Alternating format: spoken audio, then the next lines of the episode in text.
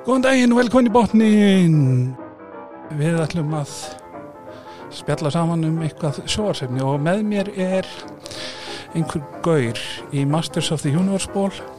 Hann, þarna, fólkgeggjaður segist ekki ætla að hlusta á konuna sína heldur bara láta sér vaksa skegg fram á vor. Og þú heitir? Ég heiti Sigir og er Efarsson, já, og framhálskóla kennari framhaldsskóla kennari, aftur. Í, í smá tíma. Í smá tíma. Já, það er, það gaman Já, ég er þetta sko, byrja ekki formlega fyrir en eh, svona 18. februar cirka bátt. Ok, En ég er, jú, búin að ráða mig formlega og svona, þannig að þetta er alltaf gerast. já, í MK Í MK, það sem ég starfaði hér á árum áður, á mínum sokkabandsárum. Já, þannig að þú ert svona að gera það því þú hefur efna á því með öðrum launum.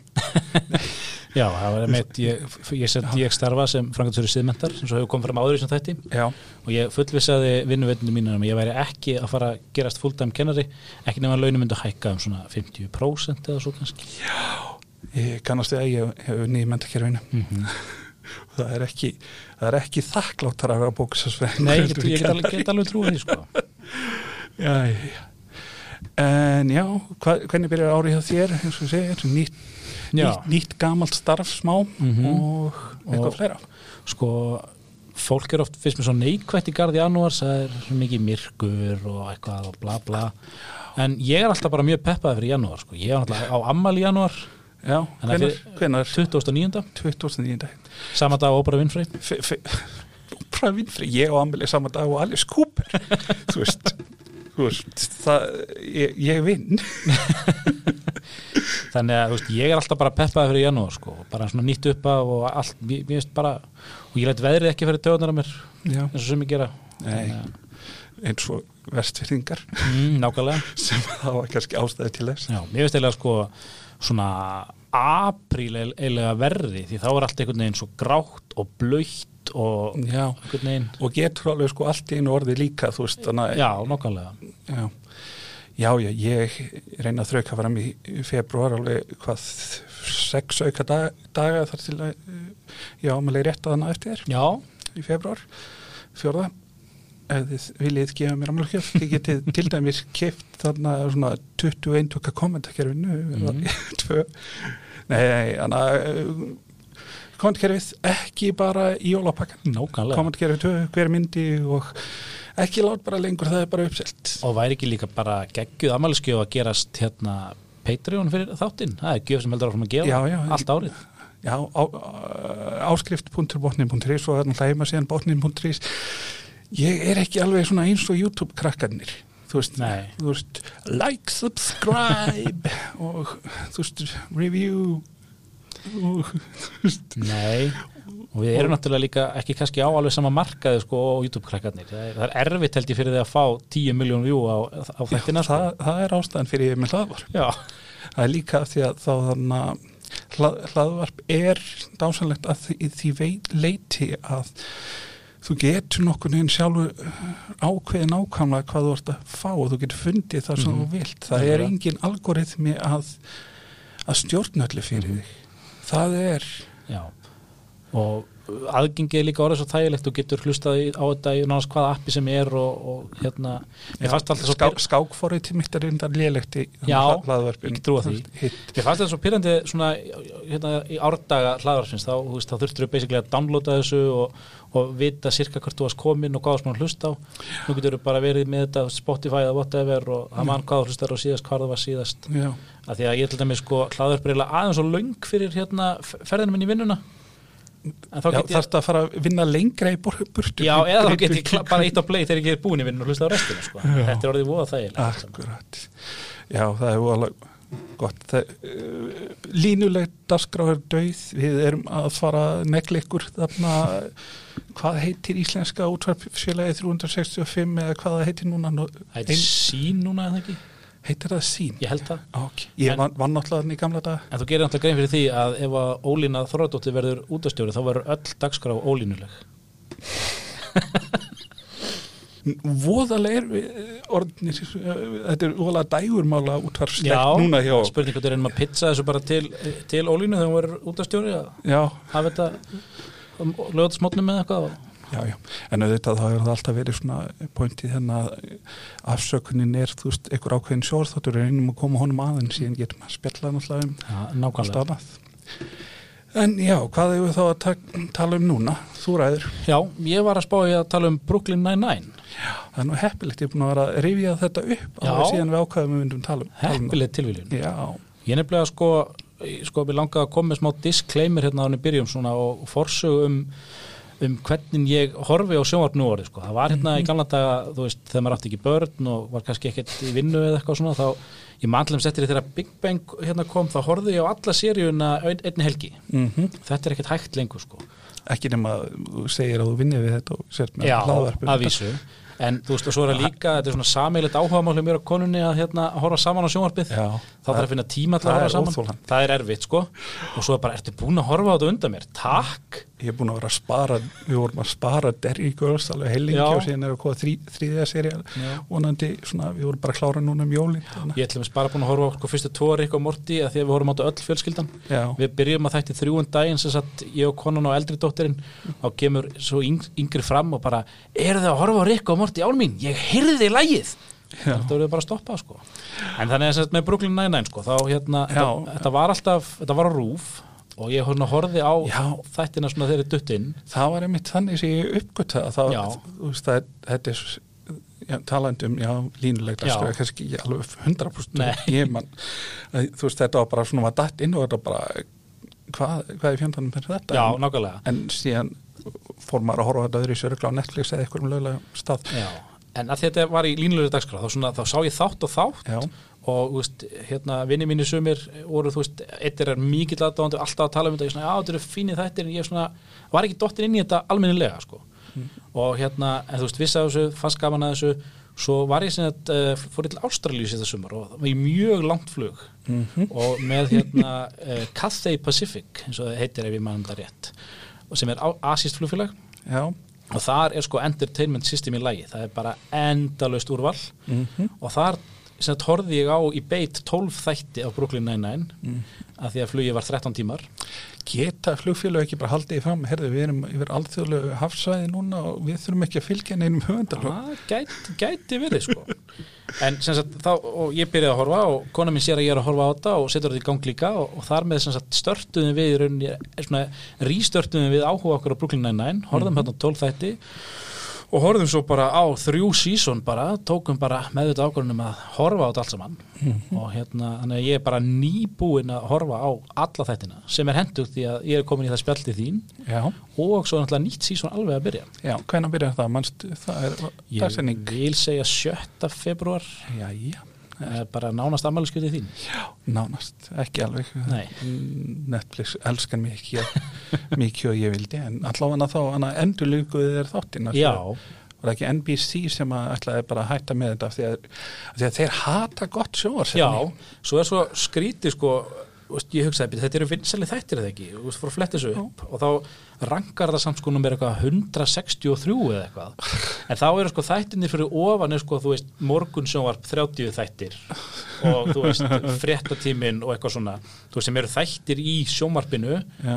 en náttúrulega svona allt, allt örum einhvern veginn toga sko þannig að en síðan er það alltaf já, það er alltaf alltaf með svona efni fyrir útstendingar svo svona línulega dagskrá þetta er ekki, náttúrulega ekki nærðjarn útíkt í framleiðslu og Mm. til dags og reynveruleika svo Já, nákvæmlega. þættir og, og eins og segir svona einhverju svona morgun dægunmála þættir. Emitt og þá þannig að eðlikur það, ég er náttúrulega að vísa í það, NBC náttúrulega drap þannig þannig community. Mm -hmm. Viss, vissur þú að Brooklyn Nine-Nine hefur svona ákveðin tengsl við community, Já, nei, býtu nú við. Fyrir utan að ég alltaf þeir voru alltaf svona viss uh, einhver tíma uh, samhliða þarna á, á þarna NBC já, en það er svona skemmtilegt þannig að hann þarna hann þarna Andy Samberg já, hann ef ég, ef ég er ekki að ruggla þá hann að byrjaði hann í svona hóp sem hétt Lonely Island. Passar. Já. Og Lonely Island eitt af því sem þeir gerðu svona, sem kom þeim á korti var að þeir tóku þátt í það sem heitir Channel 101 í Los Angeles. Ok, sem er svona míní kvikmynda, stuttmynda uh, sjóarsþátta hátíða, hvað maður kallaði sem Já. að Dan Harmon byrjaði á með félaga sínum Rob Schrapp já, já, þann ég, ég er í þannig ból með mynda Dan Harmon akkurat núna já ég, Ég- ég var- ég, já. ætla að segja, ég veit ekki hvað það er komið fram einhvern þessu þáttum en Óli er mikill aðdáðandi Dan Harmon. Já, allavega hann að verkans Stund, stundum er hann mis, uh, misjaflega hefnaður sem manneske en frá, frábæra skapluti en þannig að Lonely Island fór þannig Anna, held ég á flug fyrst hjá Channel 101 og síðan endur bara með SNL já, og eitt af síðasta sem þeir gerðu í Channel 101 var þáttu sem myndst hérna áður á held ég bara í hvort það var Scrubs eða Rekin Morty þau- þátturinn þar sem að Sarah Chalk kom fram. Mm, það hér, þáttu sér The Boo.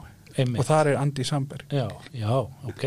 Það, þetta er svona alveg frábærlega fyndi og síðan sér maður ákveðnum punkti þá fara þeir til þarna New York og byrja SNL og þá þannig að svona deyr þátturinn ekki eins svona á að gera í þess, þessari kemni þannig að bara svona handaháskendir aðeinar halda áfram með já, þetta. ok. Að gera þetta mjög, mjög súra síðustu þæ- þættina. En Já.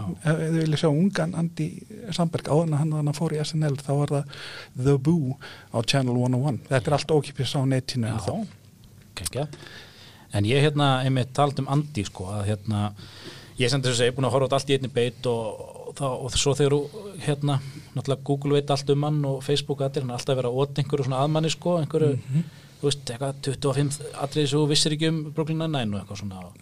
Og ég hef, og ég hef svolítið gaman af sko, hérna, svona hvað ef í tenglu við sjónvarp og kvikmyndir eins og hérna eins og með hérna Demolition Man hérna, þá átti hérna Van Damme að leika vondakattinni vildi það ekki og, og það er svona alls konar hlutir Tom Selleck átt, átti að leika Indiana Jones. Já, nákvæmlega svona, veist, og maður hugsa bara bara hvernig hefði hlutinni farið?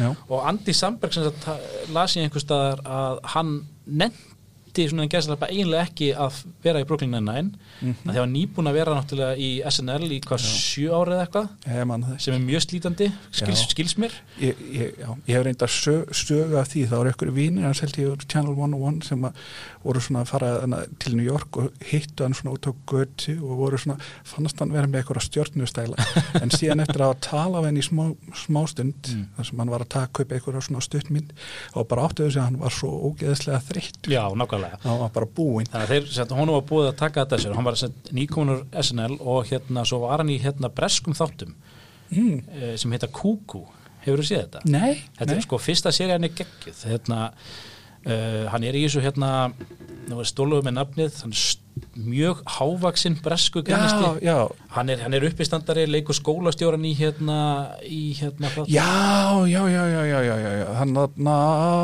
hvað heita þetta, þetta heitar ekki miss nei, Inbetweeners já, Inbetweeners, Inbetweeners er alltaf æðislegir, æðislegir þættir. og sem sagt sko fyrsta serían af Kúkú, þar leikur sem sagt Andi Sandberg samnendan hérna karakter sem heitir Kúkú og, Já. hérna, og þetta eru, fyrsta serían var geggjuð sko og hérna hann er svona uh, hann kærasti sagt hérna hennar dóttur hans hérna uh, Greg, Greg, Davis, heitir já, hann. hávaksni Já, Magnificent Beast Nákvæmlega. það var já. plassar hann, hann leikur sagt uh, Andi leikur sagt kærastan hennar hún fer í eitthvað skiptin á með eitthvað það er langt sín mm Mhm. þetta kemur heim með hann tilbaka og hann er sagt hann er kuku heitir það og er bara mjög speskaratir og hann leki þessu eitt ár og þetta er, þetta er árið áður en að hérna áður en að Brooklyn Nine-Nine byrjar sko. En hann var eitthvað tvístegandi með að taka þetta af sér að sér segi ég og hérna en sló svo til og er náttúrulega hann er náttúrulega svona stjarnan innan gæsalappa, já, þekktasta nafni kannski fyrir Terry Crews í þessu. Já. Já, Terry Crews, ég vissi svo sem ekkert eh, hver hann var í- Ekki? ek, Nei, ok, ég, ekki áðan í á Brooklyn Nine-Nine. Já ok. En það er kannski þannig að eftir að hann leika ekki í svona akkurat þeim hverju hafði hann leikið á un- undan? Terry, ég er náttúrulega sko þekkt hann líka úr hérna, náttúrulega búin að leiki fylgta auglýsingum. Já, já, já. Og svo er hann verið í hérna uh, hasarmyndum svolítið. Já, já, hann var í þannig Everybody Já, Hates Chris. pappin er bara heits Chris sko. Var nú alveg búin að gleyma því bara. Já, hérna, hann er já, Og hann, Idiocracy. Já, hann er hérna Idiocracy. hann er hérna fossetin þar, mjög flottur. já, akkurat. Alveg Þú veist, hann er rosalega eftirmyndilegur þar. Mhm. Þannig að þetta, eh, sko Brooklyn er það sem er, heita hérna ensemble cast, það er alveg bara fullt af karakterum, Já, en Andy þarna, stjarnan og ég held sko þegar ég áttaði mig á því að sagt, þetta er úr smiðju sömu manna eða sömu sama manns, sagt, það er sami hann heitir hérna, Michael Schur. Já, sem að sagt, kom að uh, því að búa til The Office, Já, og svo Parks and Recreation. Já Park and Recreation er náttúrulega alveg æðislega þetta Já, ég myndi segja sko Parks and Recreation er sennilega upp á halds sjónvastátturinn minn sko. Já. og Office er líka mjög ofalega á þeim lista. Og síðan The Good Place. Já, ég, ég er ekki búin að horfa á allt. Mér fannst það samt lofa góðu sko. Já, ég er mitt þannig ákvaða að taka bara hlje en þú veist ég er alveg sann, að horfa á þetta og verður bara eftir að tala um það og horfa um leið. Ég veit að einhverju verður að tala um að setja í seriunar séu svona aðeins að missa flugið Mm. eða eitthvað svo leiðist en ég ætla nú samt að horfa á þetta. Já, Kristinn Bell er náttúrulega uppáldið mig frá því og leik hérna Veronica Mars. Já. Veronica Mars frábæri þættir þannig að hérna Já, þannig að þú veist, það lágæli augum uppi að þetta, ég myndi fíla þess að þetta þetta er svona, þú veist, svipu típa. Þetta er hérna, þú veist, vinnustada gaman smá drama inn á milli. Mm -hmm. og hérna ég las það einmitt einhvers stað sko að þeir eru ákveðið að gera þetta þegar þeim fannst vanta meira af gaman þáttum sem varu byggðir á sko lauruglu störfum Já, það sem ég svo ég trubliði það er, þú veist, máli með þannig Brooklyn Nine-Nine að þetta er svona þetta er svona þáttur sem að brýtur eiginlega engin lögmál hinn klassiska þannig að við höfum ekki gott orð fyrir þetta sitcom, svona situation comedy. Hann, breyt, hann, hann spilar alveg fullkomlega innan regluna þess, þessa. Hann er ekki með svona talking heads eða svona svona, eh, svona, mokkjumenn, svona gerfi heimildar Nei, nei, stílin einmitt. eins og Parksin er ekki og hann er ekki svona, fer ekki út í svona þetta súra svona, og svona næstum því að brjóta fjórða vekkin eins og community Já. hann heldur sig alveg hann spilar alveg ótrúlega vel innan þessara vekja Mhm. sem er ekki auðvelt Nei, klálega ekki sko og sko og alveg eins og í Parks og Office þá er náttúrulega, þú veist, það er aðalkaradir þá er Jake þarna og svo hérna Lindsay Nope og hérna og er ekki Lindsay Nope, er ég að muna orðinni vittlust Nei, uh, þú ert að hugsa um Le Leslie. Leslie Nope alltaf ég að segja.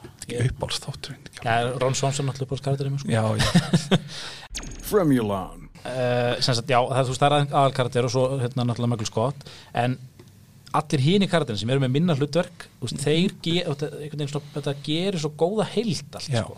og ég held að sko, uppáhaldskarakterin mínir í Brooklyn Nine-Nine eru hérna uh, hérna Díaz. Já, Rosa Díaz og hérna og svo Captain Holt. Já hann er indislugur og hérna og, og, og, þú veist, það er nefnilega máli með að þess vegna fannst mér svo gaman að horfa á þetta allt í svona nánast bara í röð í beit, að því að það er þú veist, maður sér karakterin að breytast og þroskast og, og þú veist, Holt sem er svona semi tilfinninglust vélmenni og, og þú sama með Rósu sem er náttúrulega þvílíkur nagli. Þeir eru bæði gannlega með hjarta úr gulli sko. Já, myndi mig á hérna The Mail Clerk úr Family Guy Tough Guy with a Heart of Gold.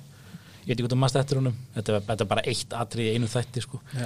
En hérna, já, þannig að það er svo, það, það er hefur mér fundið svo gaman við veist, að horfa á veist, að maður fylgjast með karakterinu vaksa og þroskast og, og samaskapi finnst mér að vera farið svolítið illægilega með Terry sko, að, veist, hann er náttúrulega veist, nöyt sterkur nagli en það er svona það er oft svona einhvern veginn svona djókið á hans kostnað sko. Já, það er, það sko þegar, og það er einmitt sko augljóslega kemur hann inn í þú veist þarna skemmtaniðina en hann var í fótbolta mm. -hmm. ykkur svo leis ykkur svo leis sem ég þekki ekki neitt það var sett í amerískum fótbolta já, já, já, já. Hver, hver er munun?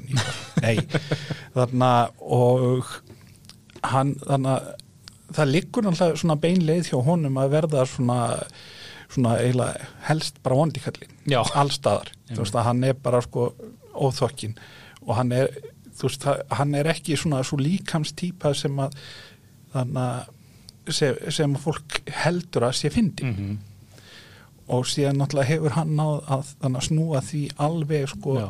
alveg við þannig að svona, hann er náttúrulega, hann er mjög mjúkur maður í þessum þáttum sko, er Já. náttúrulega fjölskyldu faðir og talar íðulegum dætur sínar og svona og, já, og svo er hann ofta að teikna, hann er að gera einhverja bók fyrir þar einhver tíman Mhm. og það sem sagt kemur í ljósa að Já. það er, það er bara raunverulegur hæfileiki Terry Crews, hann er bara mjög góður listmálari sko.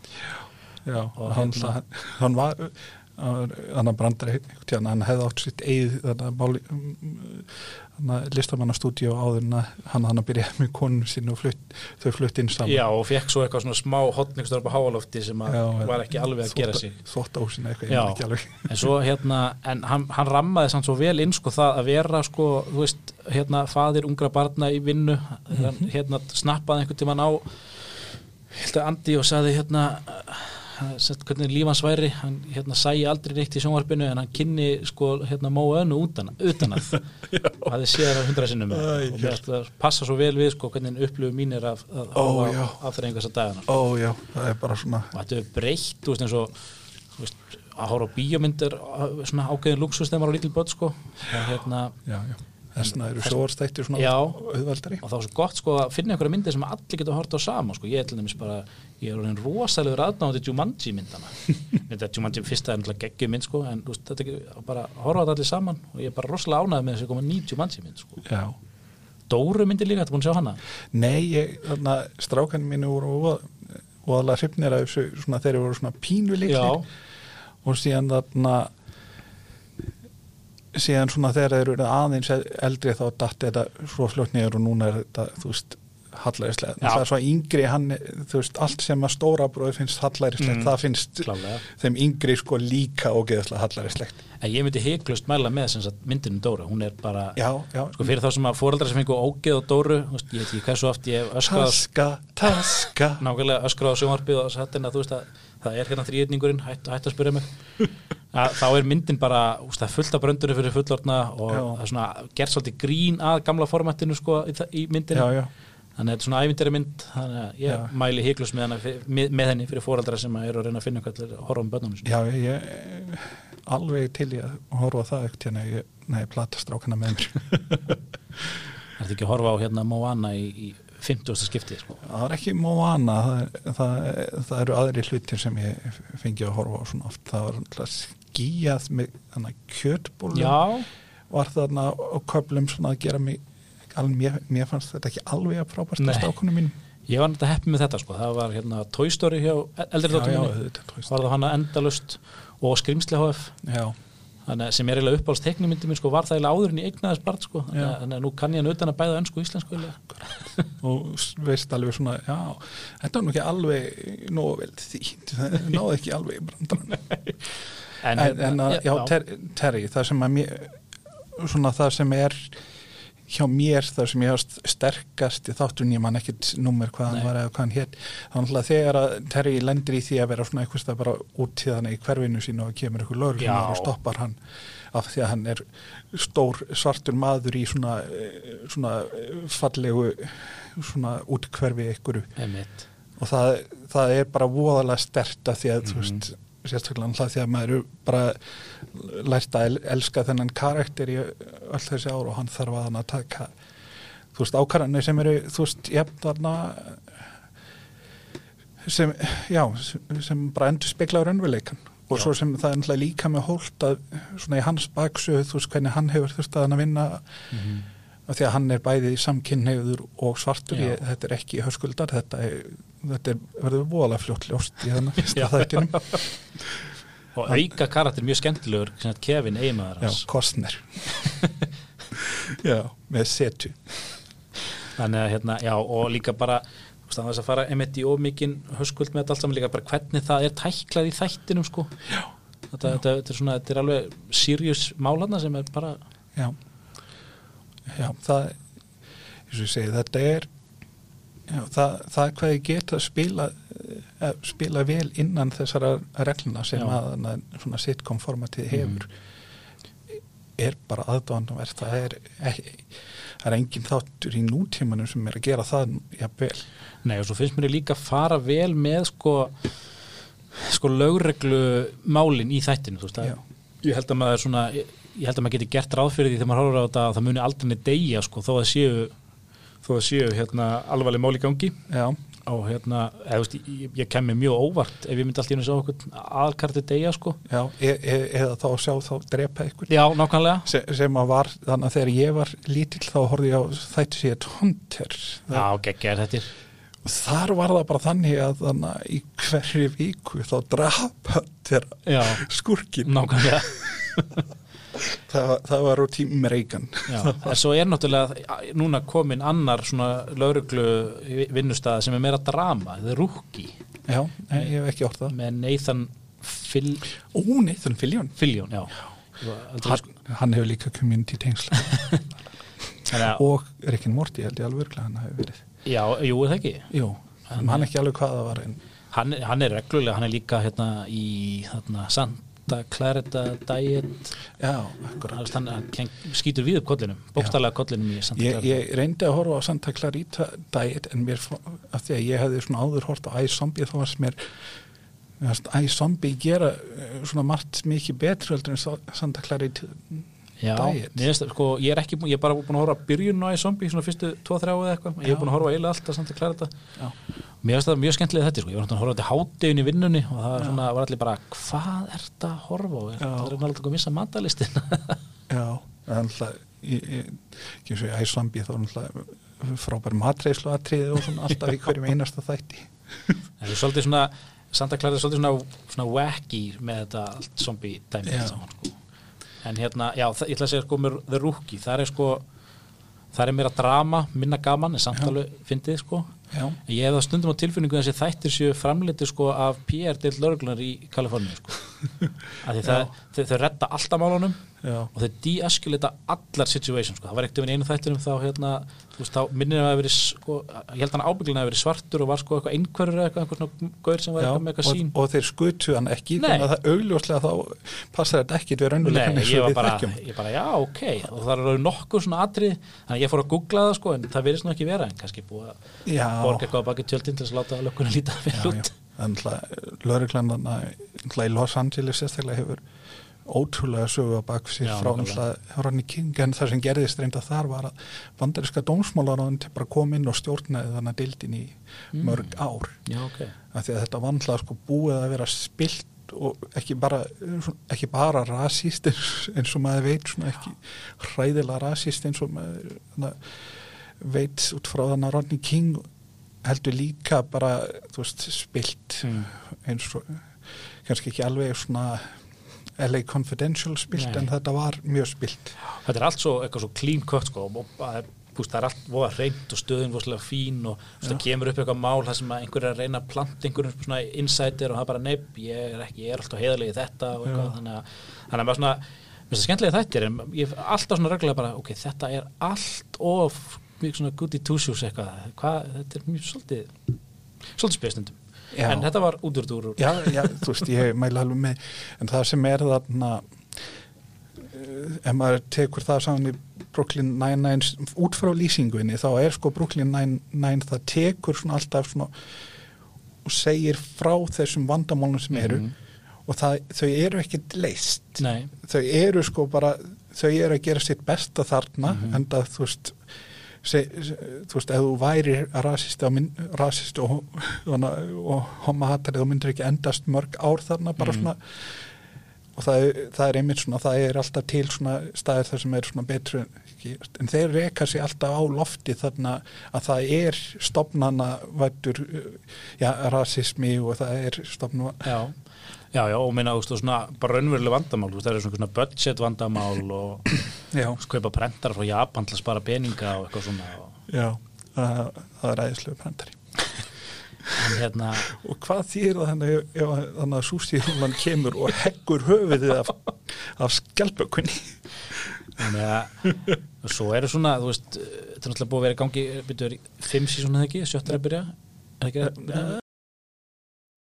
Eh, sex búin að sjötta byrja, Já, að sjöunda að byrja, byrja. Já, að þú veist, þetta er náttúrulega, þú er búin að hafa langan tíma til þess að gera alls konar hluti og, Já. og kann alls konar sögulínur og eh, eins og til dæmi sko, svo fannst mér líka áhugavert þegar ég var að skoða sko söguna bak við þetta, að þær hérna sett Rósa og svo hún hérna Amy já, sko þær hérna, þær fóru í sko pröfur fyrir fyrir hinn hlutur sko.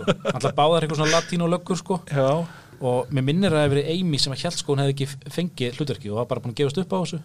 Svo bara ringdi hann, herðu, hérna við erum að spája, það er table read á morgun og við erum að spája hvað þú vil ekki lesa fyrir Amy. Hún bara, já, ok, ég skamma þetta. Melissa Fumero já. og hérna, og svo með hana hérna Rósu sko, ég var mikið ég, og svo for- forvitin einhvern veginn um þetta fólk að þetta er ekkert svo þekkti leikar Stephanie Beatrice Já. já, hún er semst fætt í Argentínu. Já, og hérna og ég var eitthvað, úst, langaði að vita meir um hana sem leikuna en ég googlaði hana og fyrsta sem kom upp var sko, hérna Stephanie Peters Real Voice Ha. þeir eru svo dimmröttu sko hún er, hún er alls ekki svona dimmröttu í alvörinu sko Já. Yes, it's the fifth season. We've aired, I think, three episodes from the second half. They're really great. Sterling K. Brown was our guest star Yay. last night. He's phenomenal. He's amazing. And a huge fan of the show. He og hérna, og það stendur einmitt á Wikipedia síðan að hún sé hérna hvað, hvernig er orðað, hérna LGBTQ hérna icon, já, af því að hún er sem sagt, hún er tvíkinnið sko í raunveruleikanum. Og það er svona að explora þetta svolítið í þáttunum að þess að ég vilja gefa upp nákvæmlega hvað gerist. Já, já. Og þetta er svona, þetta er flokka sem eitthvað svona iconic moment sko í hérna já. í, í sjónvarssögu bandaríkjana Já, af því að eins og við komum náttúrulega sérstaklega inn hérna þegar ég var með na, Íris Ellenberger sem náttúrulega sérfræðingur í Mm. þessu, þegar vonum tala um gló, þú veist þetta bara svona að fá að vera sko annarkvort bæ eða þú veist bara að skilgreina sig yfir höfuð, Já. ekki svona nefn annað, hvort bara svona, já, ég er bara fell ekki undir svona norm Mhm. minn, að það eitt og sér er svona oft þannig að bardagi sig og þarf að fara í á tveimur víkstöðum Já, af því að þú veist, þú, þú átt bara að passa í ákveðin flokk, annars þá ertu bara nákvæmlega. Og hérna, og mér varst náttúrulega líka geggja kvillig pappinar, já, já, hann þannig að Danny Trejo. Já, og hann er náttúrulega þekktu verið það að vera bara nagli út í gegn sko, hann er vondikallin annað en Terry Crews sko. Já, þannig að hann er hérna mjúk e, e, á svona harður hérna einhver úst, latínó pappi og, já, og þarf að díla við það að dóttir hans passi ekki alveg í bóksið og, já og það, það er einmitt annars svona social issue sem er veist, tækla bara mjög vel fyrst mér sko.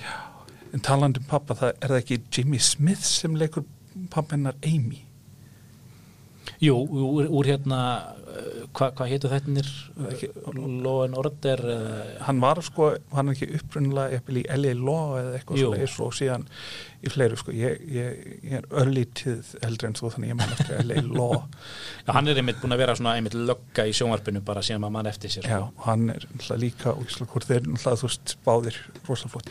En þetta er náttúrulega sko þetta sem að er, þannig að bandarið sjóarp hefur svona glímt við rosalega lengi það að bara endur spekla ekki á nokkun hátt raunveruleikan. já, Það að vera sko þú veist, lög, lögga í þarna New York og þú veist lengst af þá voru svona allir svona löggu þættir, það var þú veist svona, svona meira og minna svona allir hvítir og Mm. eða Ice-T og þarna. Veist Æ, Það það er náttúrulega ógeðslega fyndið fyrir fólk sem mann eftir þú veist þannig að Ice-T þannig á Copkilla einmitt, það er bara mér veist ég er bara alveg magnað sko og hann sé þú veist búin að vera miklu lengur, lengur svona já, en umdeldasti þarna umdeldasti þarna tónlistarmaður svona í Já. svona var þarna nákvæmlega og svo líka, hérna hva- hvað, hvað heitir hann pappinar? Jimmy Smith, Jimmy Smith, held ég, já. ég en sko, og, og hann er alveg sko embracear það að vera sko latínó Já. Hérna uppruna, því að hann er bara einn kani í hinnu sko, Já. en þetta er hann bara hann er frá Kúbu held ég lofa byggilega í þáttunum. Og er alveg bara mjög svona kúbeskur sko. Já, það er náttúrulega líka þetta að fá að vera bara svona eitthvað annað heldur en sko þarna að náttúrulega þú veist í gegnum tíðina þá hafa menn þú veist ef þú varst þarna ekki ef þú varst ekki hvítur þá reyndur að íkja þá kosti sín og við erum ekki að tala um einhverju fyrir þú veist bara 50-60 árum heldur Já. bara fram þú veist fram með eins og við segjum Jimmy Smith fyrir hans, hann er ekki þannig að þú veist bara segjum 20-30 árum þá var hann ennþá þegar hann kem, kemur upp sem leikari þá er hann bara svona, já það er miklu þægilega að vera svona. Já, það er náttúrulega sko leikari sem að ég man ekki nafnið á hann. Eða þú googlar sko uh, Mexican Thug hérna uh, hvort þú veist Mexican Thug aktor eða eitthvað líka og koma bara myndir af honum já, er bara, það er bara Fyrir- hlutur sem hann leikur sko. fyrir utan þannig treyjó Já, fyrir utan þannig treyjó Hann er svona meira svona, hérna, þú veist, gaurinn sem að hérna, þú veist, rænir um bíl og deyri einhverju sprengju sko. Já, akkurat. Það er alltaf uh, já. En já uh, það eru svona ann, við erum búin að nefna marga við erum ekki búin að nefna hann þarna Charles Boyle. Já, hann, hann er ro- rosalega spes persóna.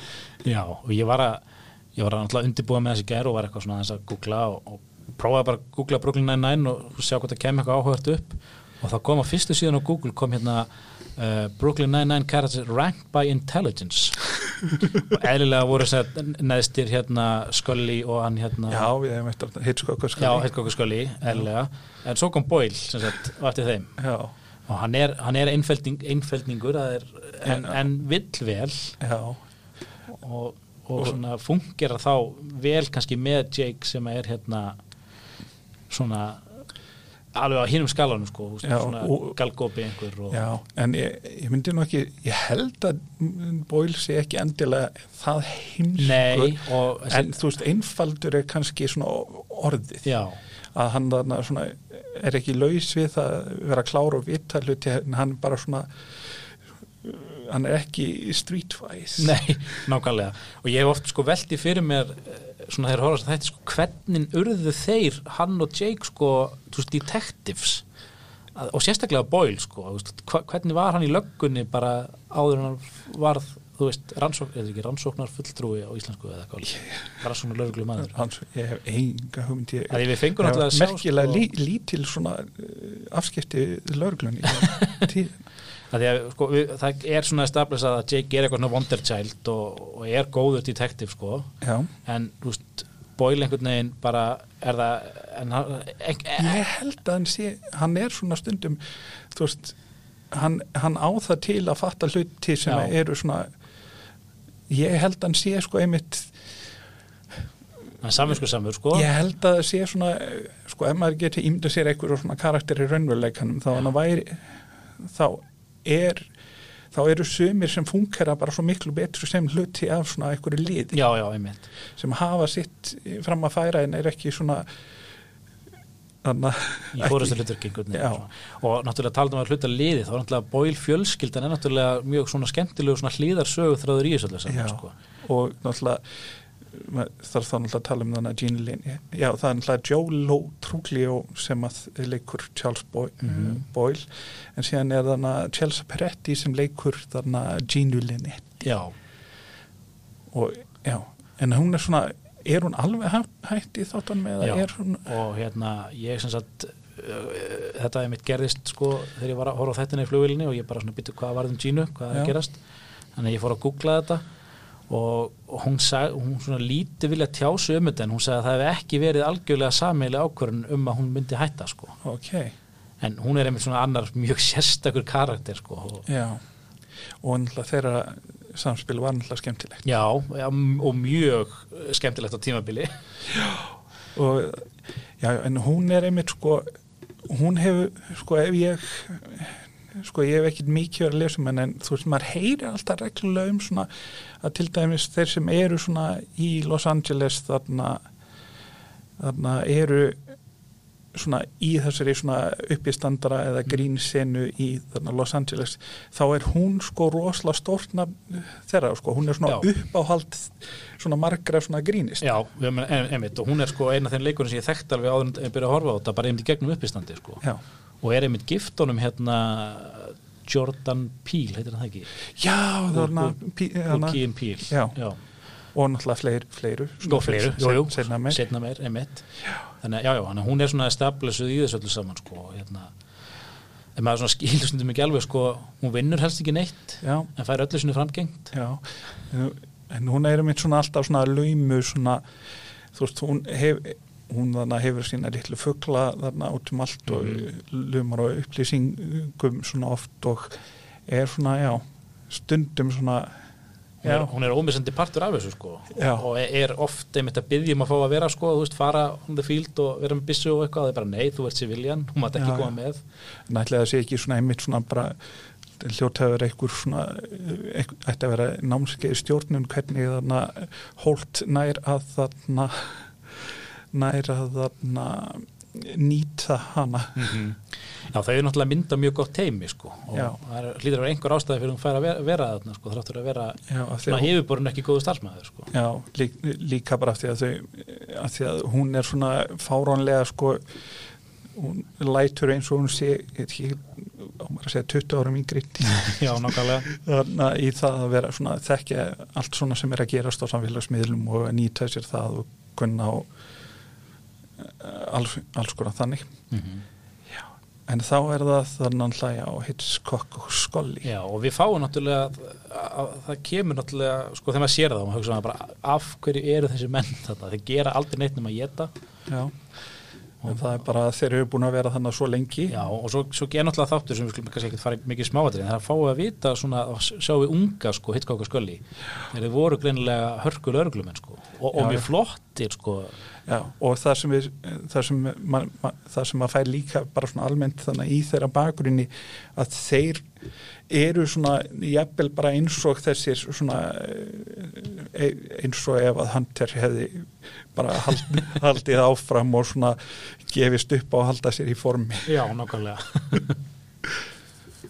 Já. Já, þeir eru, um, það, það eru sko Ég var reyndar hund lengi alltaf að ruggla staðum þess vegna fannst mér alltaf svo fyndin brandarinn sem kefur svona að, að annar þeirra hafi ruggla staði og kallaði hinn nafninu sinni, ég man ekki hvort það var. Já En það var sko gefið í skinn í þessu þarna var farið hérna hversu klárið þeir væru hérna á sér síðu Já. að þeir væru ekkit vitleysi sko, þeir væru bara svo góðir í að, í að sko, gera ekki neitt. Já, þeir væru svona svolítið og það er náttúrulega eitt þáttur þar sem að hérna, þeir eru að fara í gegnum heilt herbergi af hérna svona settuðum hérna tættum skjölum. Já, og þá kemur í ljós að annar þeir er bara, bara genius í að setja saman hérna Já. sett, tætt skjöl, þannig að þeir leinu nú á sig allan sko.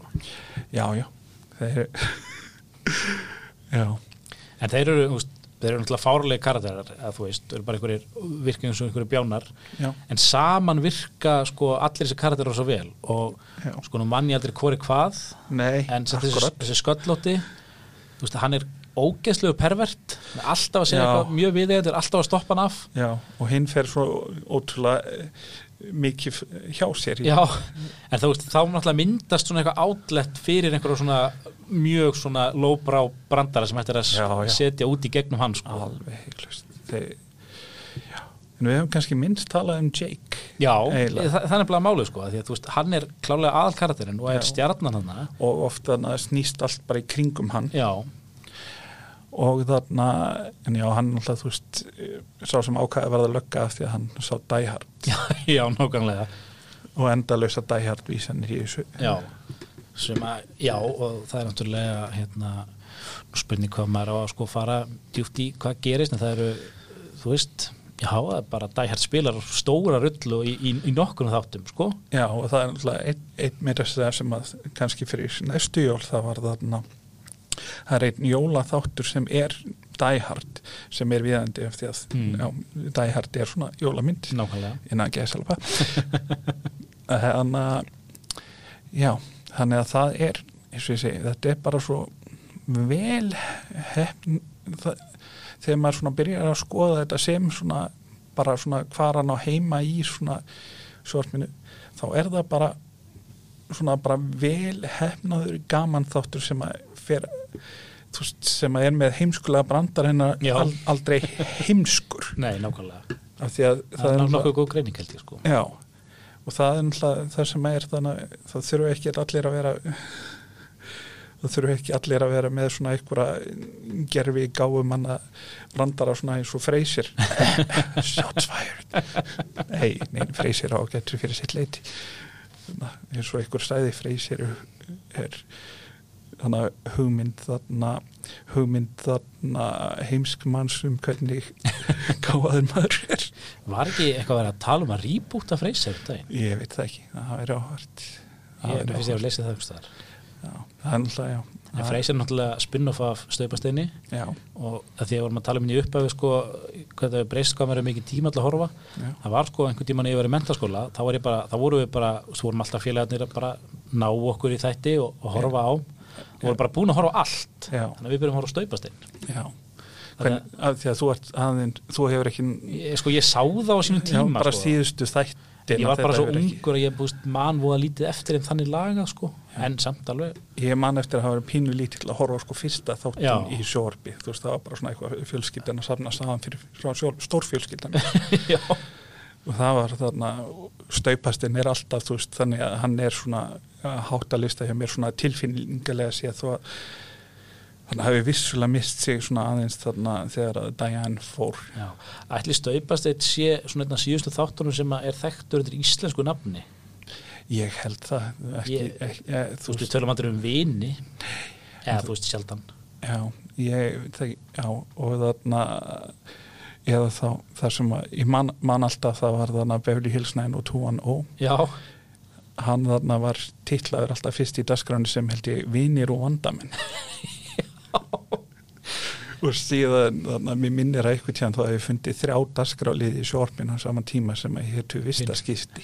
Vistaskipti. Líka svo vel hefna sko með staupastein að þetta er náttúrulega cheers er ekkert einhvern veginn maður hoppar ekki beint í já, þetta er staupastein, en það vitast allir þegar þú segir staupastein að það er cheers sko. Já, þetta er já, það, ef þú segir vinur og vandamenn, þá myndi ég hugsa bara ertu að tala um friends þú veist það eru til, til hundra þættir sem að annarkvort hétu vinir eða þá þannig hefðu geta heitið það. Einmitt, tveir á tófnum tveir á topnum já, og tæpast af aði. Já, tæpast já, þetta er, þetta er mér, mér skilst sko að, sem sagt, að allir titlar á bíóminu séu ennþá þýttir einhverstaðar af einhverju ríkis batterí sko. já, já það, það er ennþá í dagskráni held ég á að ríkisút eins og ég segi ég, þetta bara svona fór einhver tíman sko bara fór þú veist, ennsku, ég held bara með vídeoöldin og, og svona auknu aðgengi að svona bandurskefni, þá bara fór ennsku kunnáttan upp í það Mm.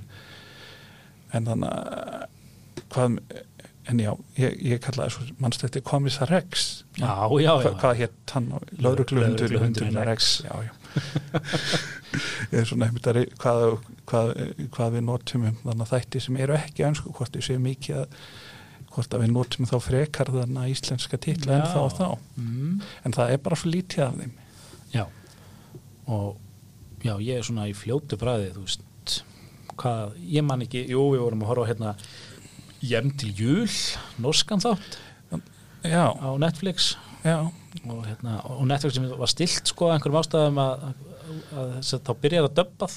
Já. Það var mjög skrítið að horfa á normenn að vera að tala og, og, hérna, og tala svo ennsku en ta talandi um svona, já, að hlusta normenn tala ensku, þá er, þá er eiginlega að norsmenn hefur hort á þá. Já, ég, Þa, það er eiginlega finnara að horfa á þá af því að það takit upp bæði á og já, nor- norsku. mér finnst það svolítið, sko, það var einhverju spurning hvernig, hvernig þessi þættir væru og ég sagði að þetta væri off, The Office á vikingavöld þetta er svona, þú veist awkward, hérna, dæmi eitthvað og, já, og ef, ef ég þarna, ég hef reynd að koma því að framfæri að mér finnst þetta mikið betri en Vikings en, Já.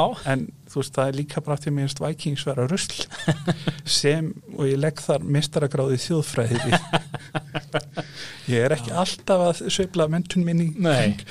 en ég veit heiminn ímislegt um vikingatíman og þetta er já, ekki ég hef aldrei dottið inn í þetta, sko er þetta ekki svona bara einhver popvæðing ég, ég horfði á þetta eiginlega bara svona í, í bara svona fræðilegu og ég bara því lík, þú, ég skrifaði þú veist upp hana heilt skjala hlutum sem ég fannst aðtöðavert eða Já, ja, ok. okay. þetta en það var eitt sem þeir gerður endar vel sem ég veist um að margir fatti að þeir voru með sko hjálm sem var með svona hálgerðum hornum í einu atri og það er náttúrulega það sem að fólk fólk veit svona almennt að er sko algjörlega off við Já. sko ví, vikinga þeir hafi aldrei vinn með það.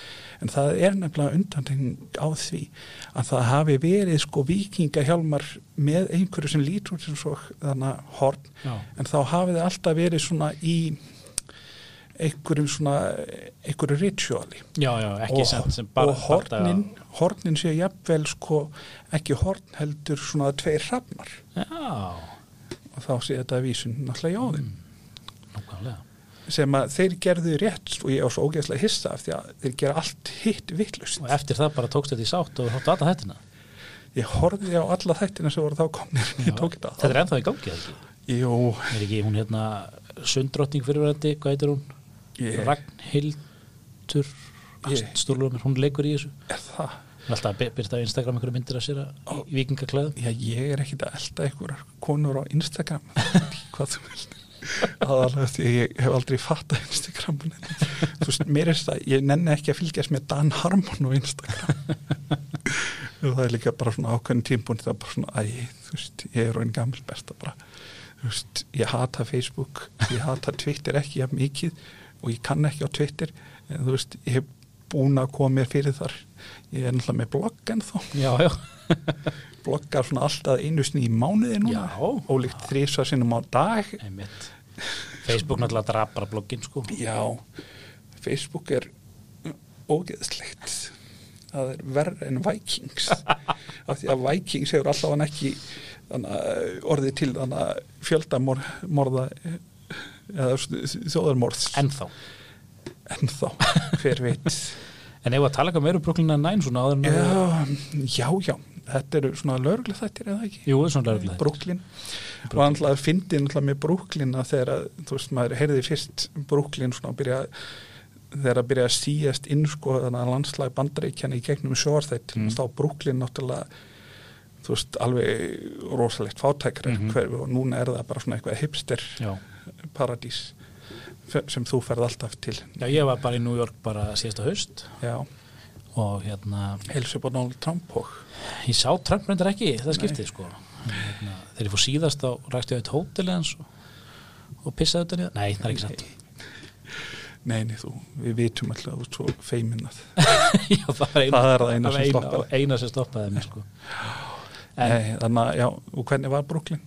Bara, þú veist, New York er bara mjög skemmtileg borg sko Já, en það er ógeðislega mikið af fólki þar Ég, þetta er einu staðurinn bandaríkjunum sem ég hef komið er, þannig að er New York og ég var nú aðalega bara Manhattan. Já, já og hérna við hefum eitt sko, kona mér vill endilega fara á Times Square, ég bara já, drífum okkur og Já. það er bara, já, ok, það er ókslega mikið af fólki fyrir fara, Já, já, en það er Disney búðar það er Disney búð um allt jú. og Það M&M það búð af einhverjum ástæðan.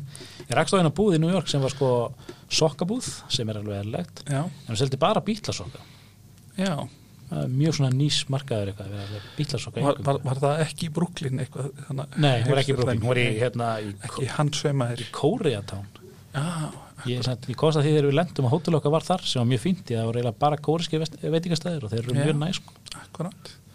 Ég er mitt það, fyrsta sem ég gerði í New York var að borða á Olive Garden sem er ekki talin fýtt. Nei, ég hef ekki verið svo frægur að borða þar ég, Nei, en þetta var svona bara af því að þetta er bara svona eitthvað sem er þú veist, bara voðalega bandarist án þess að vera McDonalds Mhm. eða eitthvað þá hvað ég pröfaði þá Let's like Walk across the Brooklyn get Bridge. tanked to the Times Square Olive Garden and get our pictures taken with a human statue. Right. York. þú veist það, þetta var ekki ég held að einhverju sem eru sko ítalskir pasta áhuga menn hefur Já. kannski fengið þarna eitthvað flóg yfir þessu en ég varst þetta bara mjög fínt. Er, ég hef aldrei left mér að vera svona, eh, svona foodie. Nei, á nógu slæmt þegar ég uppgötaði hvað ekta parmesan ostur er miklu betri heldur en gerfi parmesan ostur og síðan kom hrun og þannig að álöru parmesan ostur kostaði morð og miljón og það er svo mikið betra að bara borða, nota áfram gerfi parmesan ostur því ég var alveg sáttur við það. Já eins og ég er búin að segja, hvað er náttúrulega búið að vera svo lengi í gangi þannig þeir eru búin að svona kanna svo marga hérna svona sögulínur. Já, að Adrian uh, Pimetto þannig ekki það? Já. þannig að Joe 12 ár undercover, Jason Mantzoukas. Já, Jason Mansukas, hann er náttúrulega æðislegur. Hann er mjög skemmtilegur karakter. Og hann er- og skemmtilegur leikari. Já, hann er, hann, svolítið tæpkastaður svona sem einhver fyrðufugl já, já, en hann þannig hefur líka bara, já, hann er líka eins og Big Mouth, náttúrulega í þeir lík já, þar kynntist Jónu fyrst. Svo er þeir náttúrulega félagar í podcastbransanum. Hann er með hérna, þarna, hvað heitir það, How Did This Get Made já, akkurat, það var það að segja, en er, ekki, er það konan hans sem hann er með í, Já, nei, sko, þeir eru, er þeir, eru, þeir, eru þrjú, þeir eru þrjú saman og hann heitir hérna var með hann í lík líka sköllóttur það er satt konan hans sem sagt, já, akkurat, en þannig að hann, Jason, hann var náttúrulega líka í Community eftir, hann var í Karate Kid þættinum Community sem var sem var dásamlegur að öllu leiti eins og flest annað í Community fyrir utan fjóraða sísunni Paul Shear. Já, hann. Já, og þau eru snart saman með podcastið og hérna, hún er alveg svona established leikona sko. Já, og hérna heitir heitir June Diane Rayfield hún var einmitt sko ekki Rafael. Nei ekki Rafael nefnilega. Hún var nefnilega hjá honum hérna WTF podcastinu um daginn. Já, hún var mikið að tala um hérna hvernig þetta ber þetta fram. Og það var, það var mjög næst áttur og Já. hérna þeir náðum vel saman og þetta var svona, þetta var svo einlegt og ég var að tala um sko hún hló svo svona innilega stundum.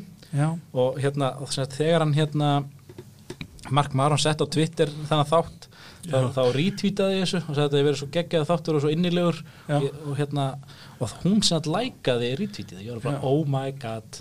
Já, þetta er bara my 15 seconds of Twitter fame.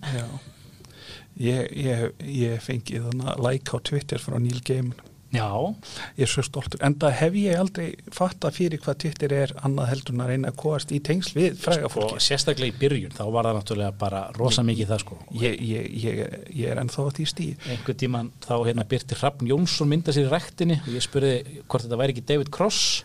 Já, og takkaði David Cross og David Cross lækaði það og ég var bara shit sko, tjöfitt er ég.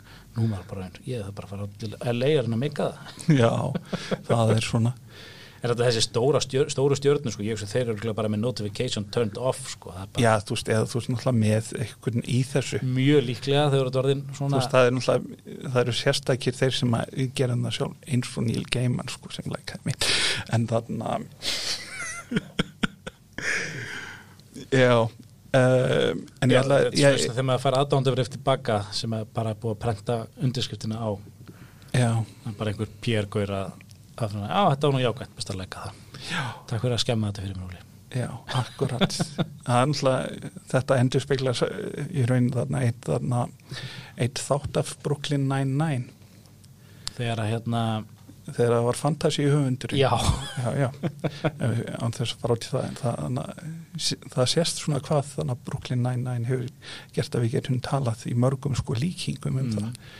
En já, ég glemdi alveg að minnast að eitt þannig atrið, það er þarna eitt, einmitt podcast er þarna Spencer Crittenden, Crittenden sem að var í Harmontown sem er náttúrulega nýhætt sem var svona Dungeon Master í mm Harmontown og er með þarna Harmon Quest líka. Veit ekki, það er svona uh, hlutverkaleikja.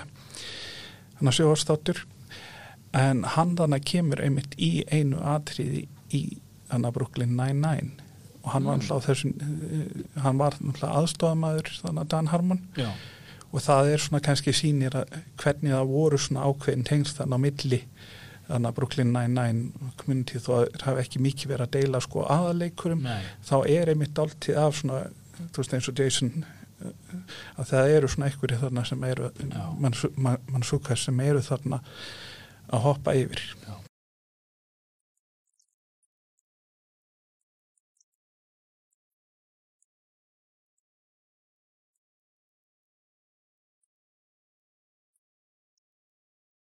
Og náttúrulega, já, Nath- Nathan Fillion var í báðum.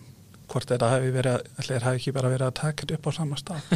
Þannig að Pa- Parks og Rex, eh, Rec var tekið upp á sama stað og og þarna community og síðan var þarna Nathan Fillion þannig hinn meginn með þarna eh, glæpa þáttinn sinn þar sem hann var já, rithöndurinn Castle. Castle, já og þarna þannig að það er svona fyndi sko, eh, maður hugsa svona um svona eitthvað raunverulega landaðfræði sem- maður svona mótar það hvernig svona þættir tengjast Já, eins, eins og þetta.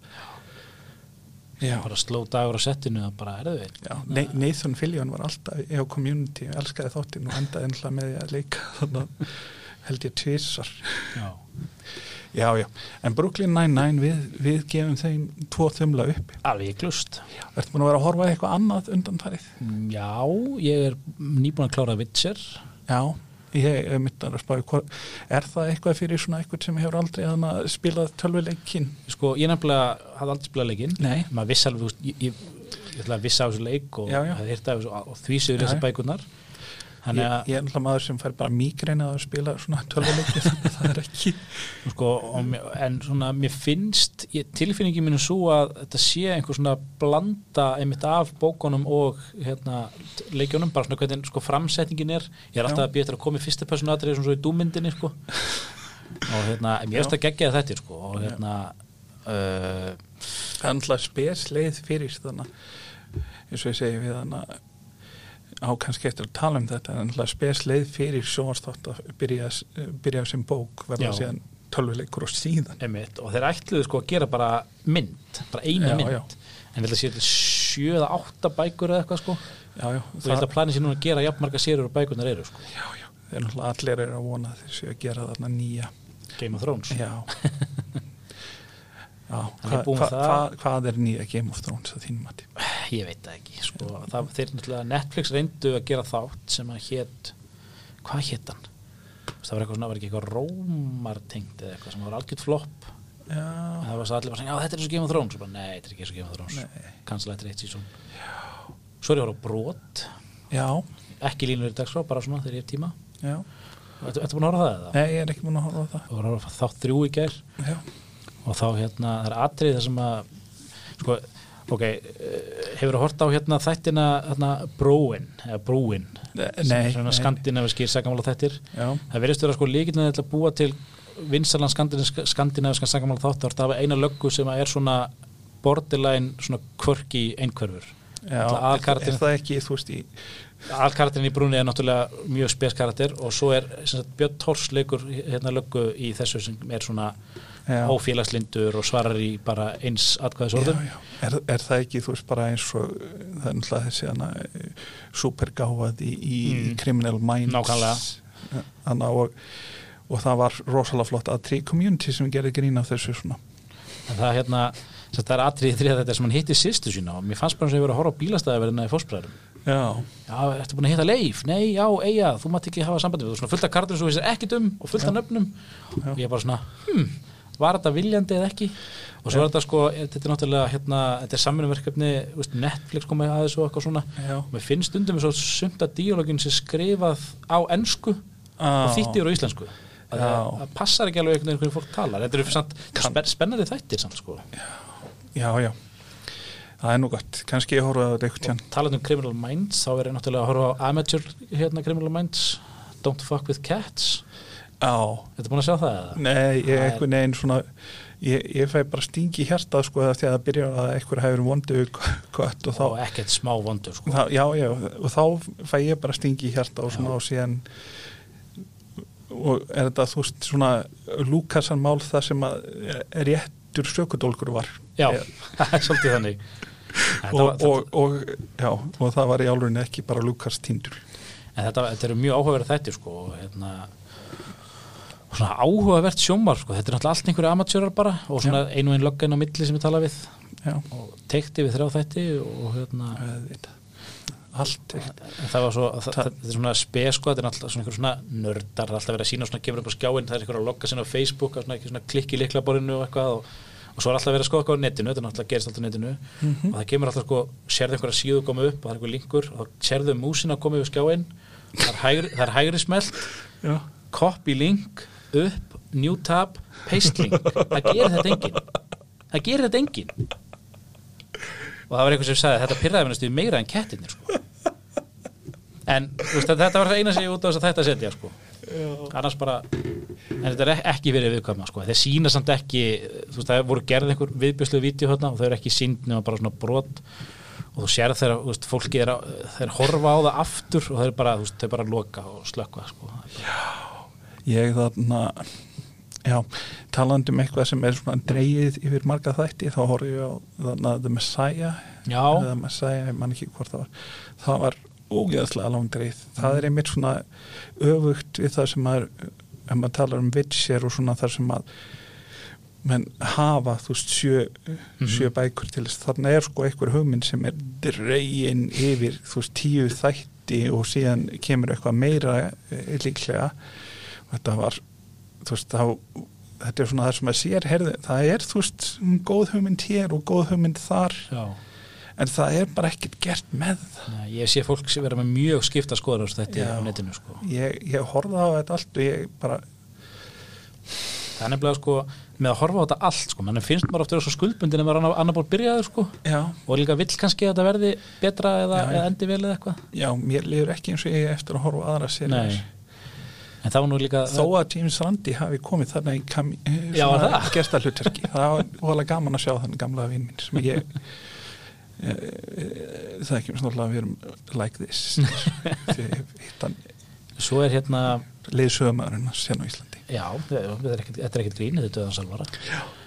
En hérna, svo er náttúrulega þáttur sem að fekk svolítið umtal og við settum fyrsta þáttuna á og gáumst upp, það er Dracula. Já, það var ræðilegt ég nefndi ekki svona að horfa á þátt tvö eða þrjú Nei, ég, var, ég var að horfa þetta með öðru augunum, konum mér var að horfa á þetta og hún bara, hún pásaði þetta bara, ég, ég, ég, ég nenni eitthvað að klára hana þátt. Já, hefur þú hort á Sherlock er þetta ekki frá þeim sem gerði Sherlock Nei, ég hef ekki að horta á það og það var einhver að tala um svona að þetta væri, í þeim, já, samt einhvern veginn ekki alveg Já. að gera sig. Sko.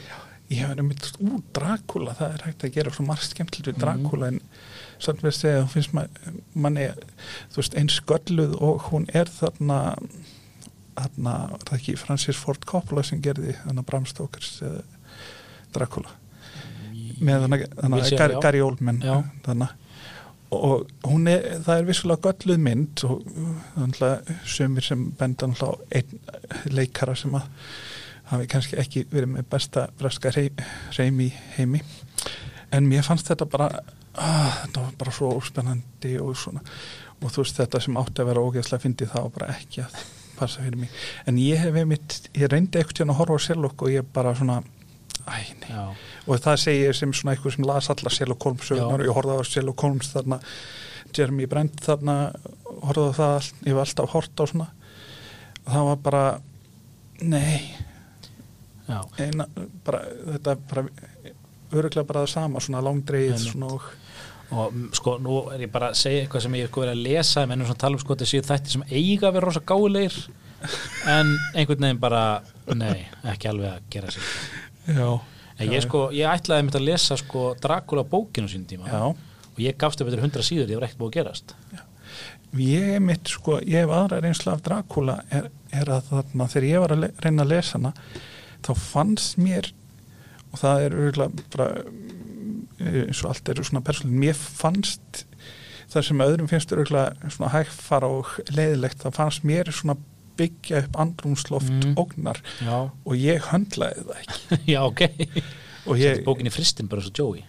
Næstum því, næstum á kindlinu mínum en það hefði verið það hefði kannski farið illa en þá hefði hann endalega frósið og þegar að fólk er orðið sko maður, maður hugsa svona alltaf svona um það að þegar að svona einhverjir listamenn séu orðni hafi loksins, um, þú veist það er svo erfitt fyrir það að þurfa alltaf að vera að fást við þess að sjóastöður og framleyslu fyrirtæki og allt svona að sé svo er, erfitt svona þannig að halda þeim niður eða þurfa að gefa afslátt að sinni í listrænu en svona stund sumir bara þurfa á því að halda.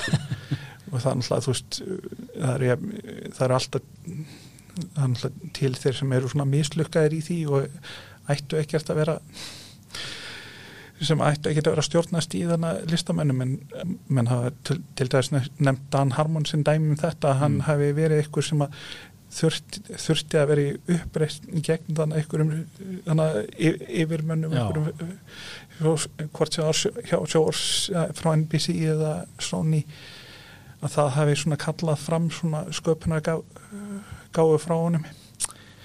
Þannig í community en þarna, maður veit svo sem ekki þetta er nú alltaf bara svona líka bara hvar þú ert þetta á ferlinum og og Mm. þarna getur maður einmitt sér já, svona núna er ég loksins orðið nú frægur og nú miklu peninga til þess að geta gert það sem ég vil og þá eh, eh, ekki alveg ekki alltaf að virka. Nei, þegar, þú ert orðin rosa frægur og þú svo mikið af pinningum, þá held ég að stundum vanti svolítið sko eldi undir rasinaður til þess að gera hlutina. Já, og það sem náttúrulega gerist stundum þegar að fást við svona einhverja svona, svona sem virka hamlandi er að þú finnur klárar lausnir til þess að komast fram hjá þér.